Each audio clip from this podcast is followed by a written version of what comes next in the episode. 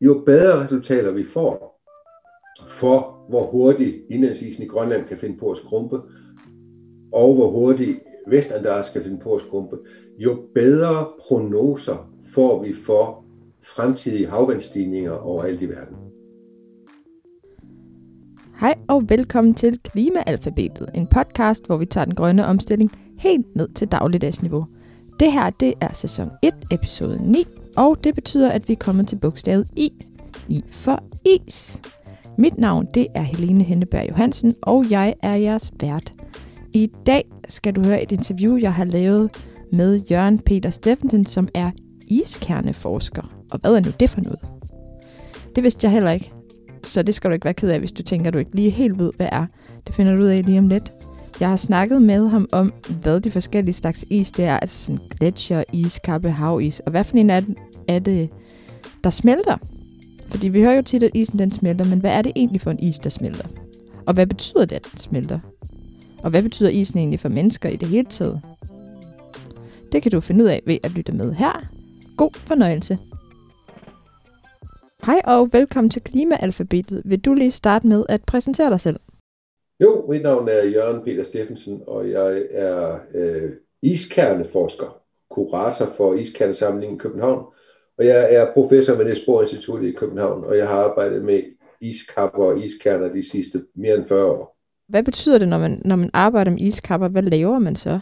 Altså vores fokus det er at bore øh, iskerner ud af iskapperne i både Grønland og i Antarktis. Øh, og det er sådan nogle, altså isen er jo tre, over 3 km tyk, så det er nogle lange stænger af is, vi bruger op fra iskapperne. Og det gør vi for at afdække øh, forhistoriens klimasituation.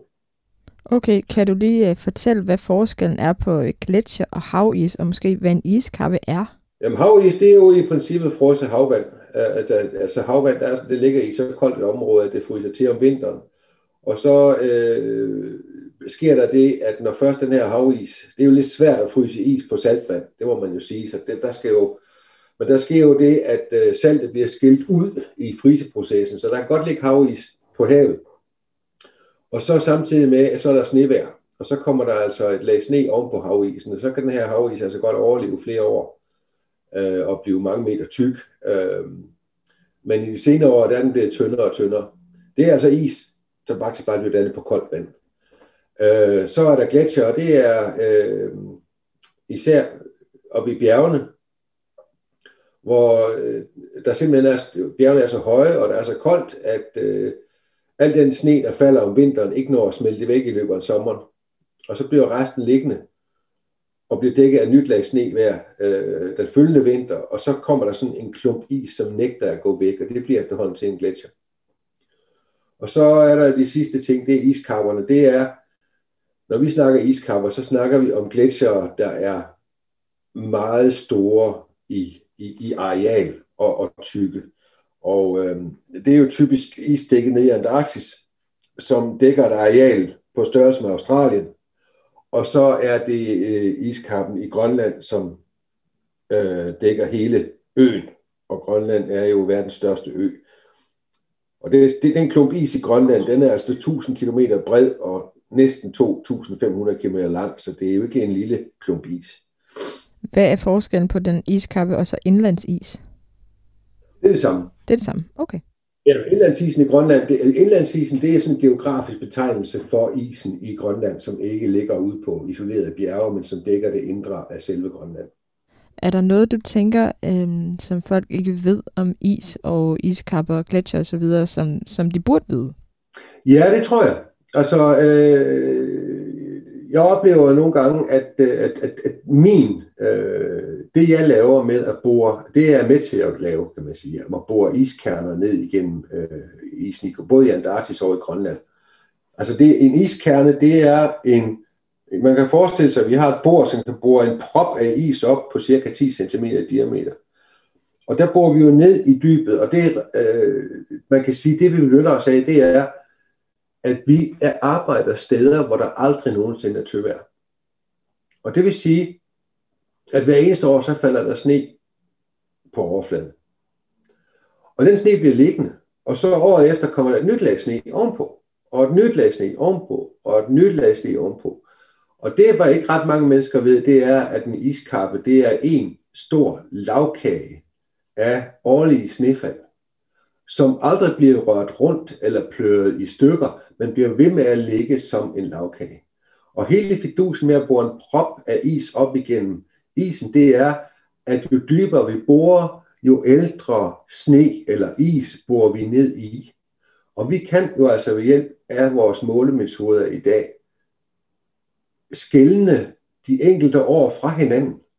Sådan at vi i Grønland, der har vi talt, der har vi talt 60.000 år tilbage i tiden, det vil sige langt ind i sidste istid, hvor vi har hvert eneste årlag af is optalt, og derfor kan følge klimaudviklingen år for år. Fordi samtidig med, at vi har året, så kender vi også nogenlunde temperaturen det år, for det kan vi også aflæse ved at måle på isen. Og vi ved også, hvor meget støv, der er blæst ind fra Kina og så videre det år. Og vi kan se, om der har været vulkanudbrud det år, det år fordi der er svovlsyre i, i, i hvis der er vulkanudbrud, eller der er aske i. Så vi, kan, vi har simpelthen en, øhm, vi har simpelthen en kalender over klimabegivenheder de sidste 60.000 år. Det tror jeg ikke ret mange ved. Hvordan skældner I årene? Er det sådan ligesom årringe på et træ, eller hvordan? Ja, det er lige præcis. I, i, i bredeste forstand er ligesom årringe i træ. Vi kan simpelthen tælle dem. Og det gør vi ved hjælp af en, en helt strive metoder. Men det, det handler om, det er, at vi kan se forskel på sommersne og vintersne. Vi hører jo, at isen den smelter. Når man siger det, hvad er det så for en is, man snakker om? Ja, men det er jo et vidt begreb, for isen smelter jo overalt. Altså, øh, man, der skal man jo ligesom skille, hvad der er, er vigtigt og ikke så vigtigt. Øhm, det der umiddelbart lige nu er, øh, er der, det man ikke man jo se. Altså, der er jo for det første, så smelter havisen op i det arktiske polarhav. Og øh, det skyldes jo, at, at øh, Arktis, og også delvis Antarktis, men mest Arktis, er under kraftig opvarmning fra. Og det kan man simpelthen måle, at det har den været de sidste øh, 30 år, har, har den været under, op, under, under opvarmning. Og det gør, at ismassen oppe i det arktiske hav svinder ind, både i tykkelse og i udstrækning. Så øh, det er den ene type is, der smelter. Den anden type is, der smelter, det er, at der er rigtig mange gletsjer omkring i bjergene i verden, som trækker sig tilbage. Det vil så i øh, Himalaya, eller i Alperne, eller i Rocky Mountains, eller i Andesbjergene. At der er mange gletsjer, som trækker sig tilbage, eller også måske endda helt forsvinder. Øh, en af de iskapper, som står til, eller is, en af de gletsjer, som står til at forsvinde snart, det er øh, isen på toppen af Afrikas øh, højeste vulkan, Kilimanjaro. Og der regner man ikke med, at det, det isdække, det, det overlever ret længe. Øh, der er også nogle iskapper nede i Indonesien, som også er ved at, at, at, at forsvinde. Og det er der ikke ret mange mennesker, der tænker på, at der i trupperne findes is, men det gør det jo bare, at bjergene er høje nok.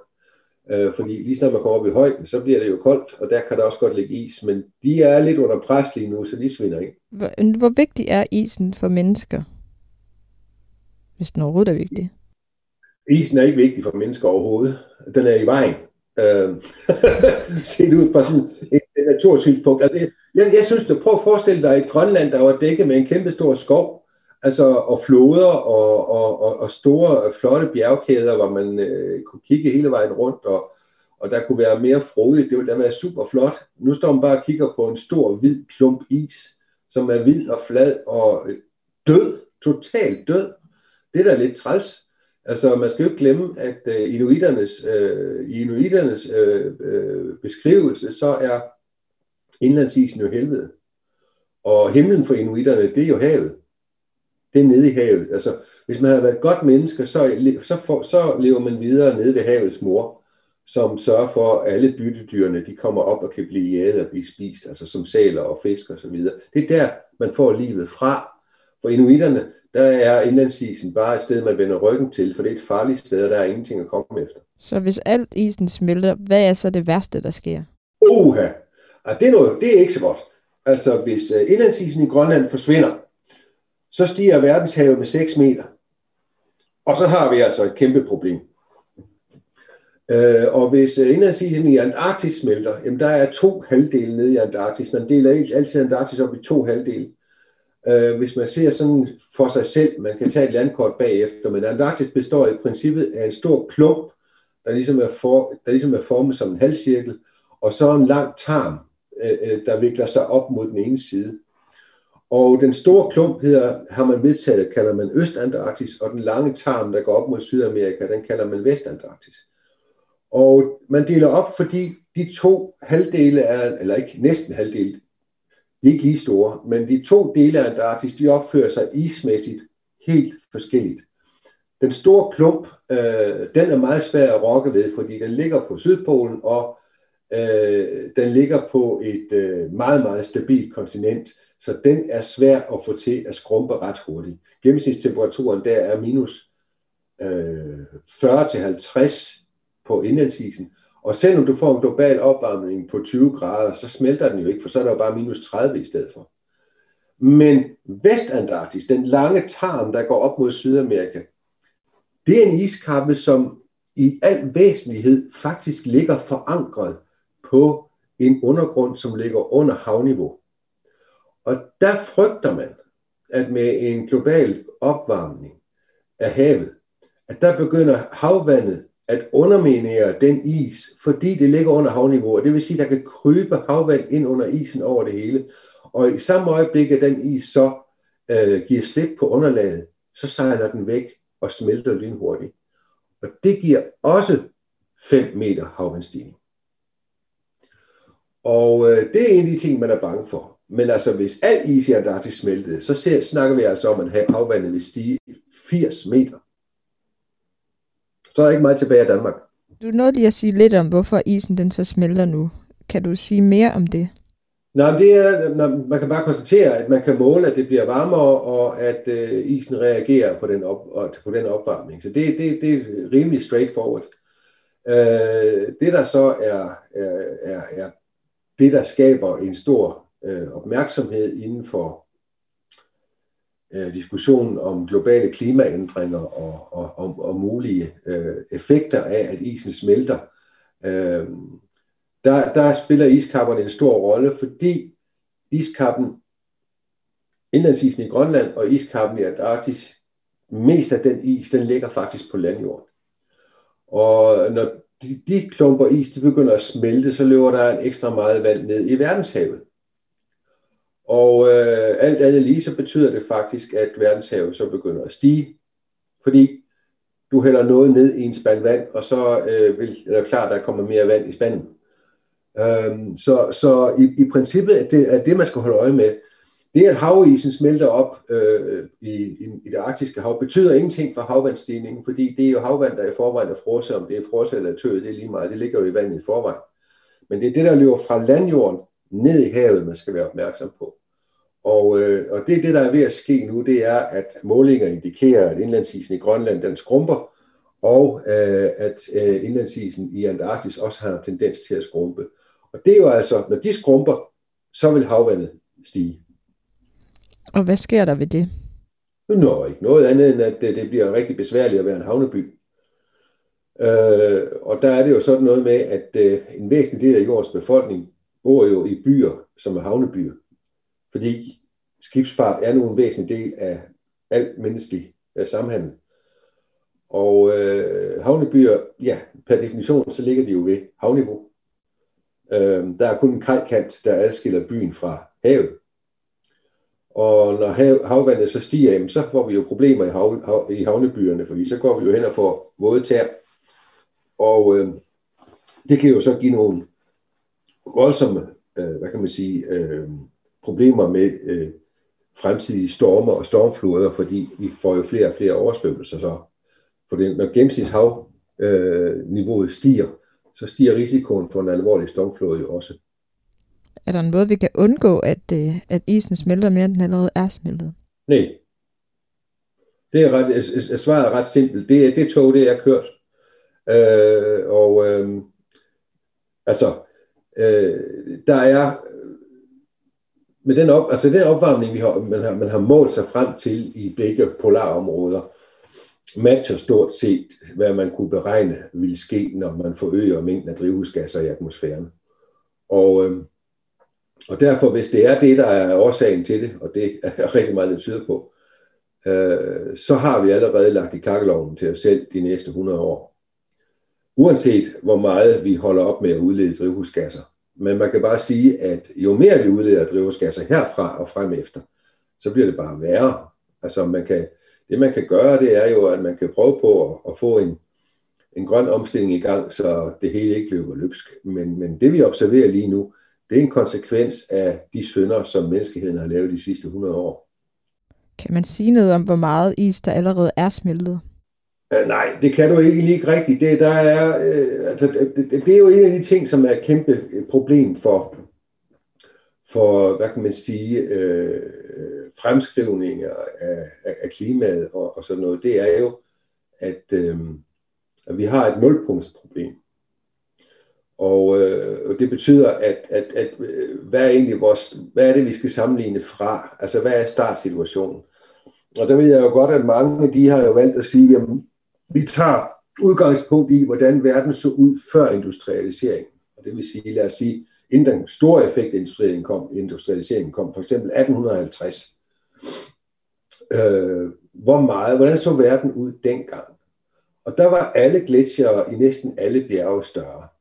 Og øh, indlandsisen i Grønland og indlandsisen i Antarktis var også større dengang. Ikke sådan, at øh, havet var mærkbart sænket, men dog trods alt var gletsjerne større. Øh, de er så svundet ind, men der er problemet, at noget af det, øh, at de var større dengang, skyldes også en naturlig klimaforandring. Fordi øh, siden stenalderen er jorden blevet gradvist langsomt koldere. Og derfor så øh, i 1850, der fik gletsjerne faktisk rigtig mange steder deres maksimale størrelse. Og derfor er det et dårligt øh, sammenligningspunkt at bruge og sige, se hvor små de er blevet i forhold til 1850. Fordi i 1850, der var gletsjerne så store, som de ikke har været siden sidste istid. Så det er altid problematisk at sige, hvad er den normale ismængde? Fordi når du spørger om, øh, hvor, hvor, hvor meget isen har skrumpet, så er det jo i forhold til hvad? Og der er ikke nogen normal situation, fordi klimaet altid er under udvikling.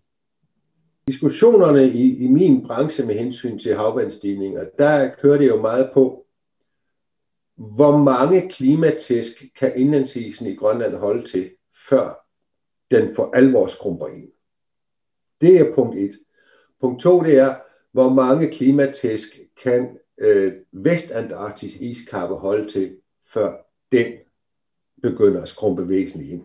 Det er, to, det er de to ting. Altså grænsen for, hvornår det begynder at ske, og så den anden ting, det er, hvor hurtigt kan det ske?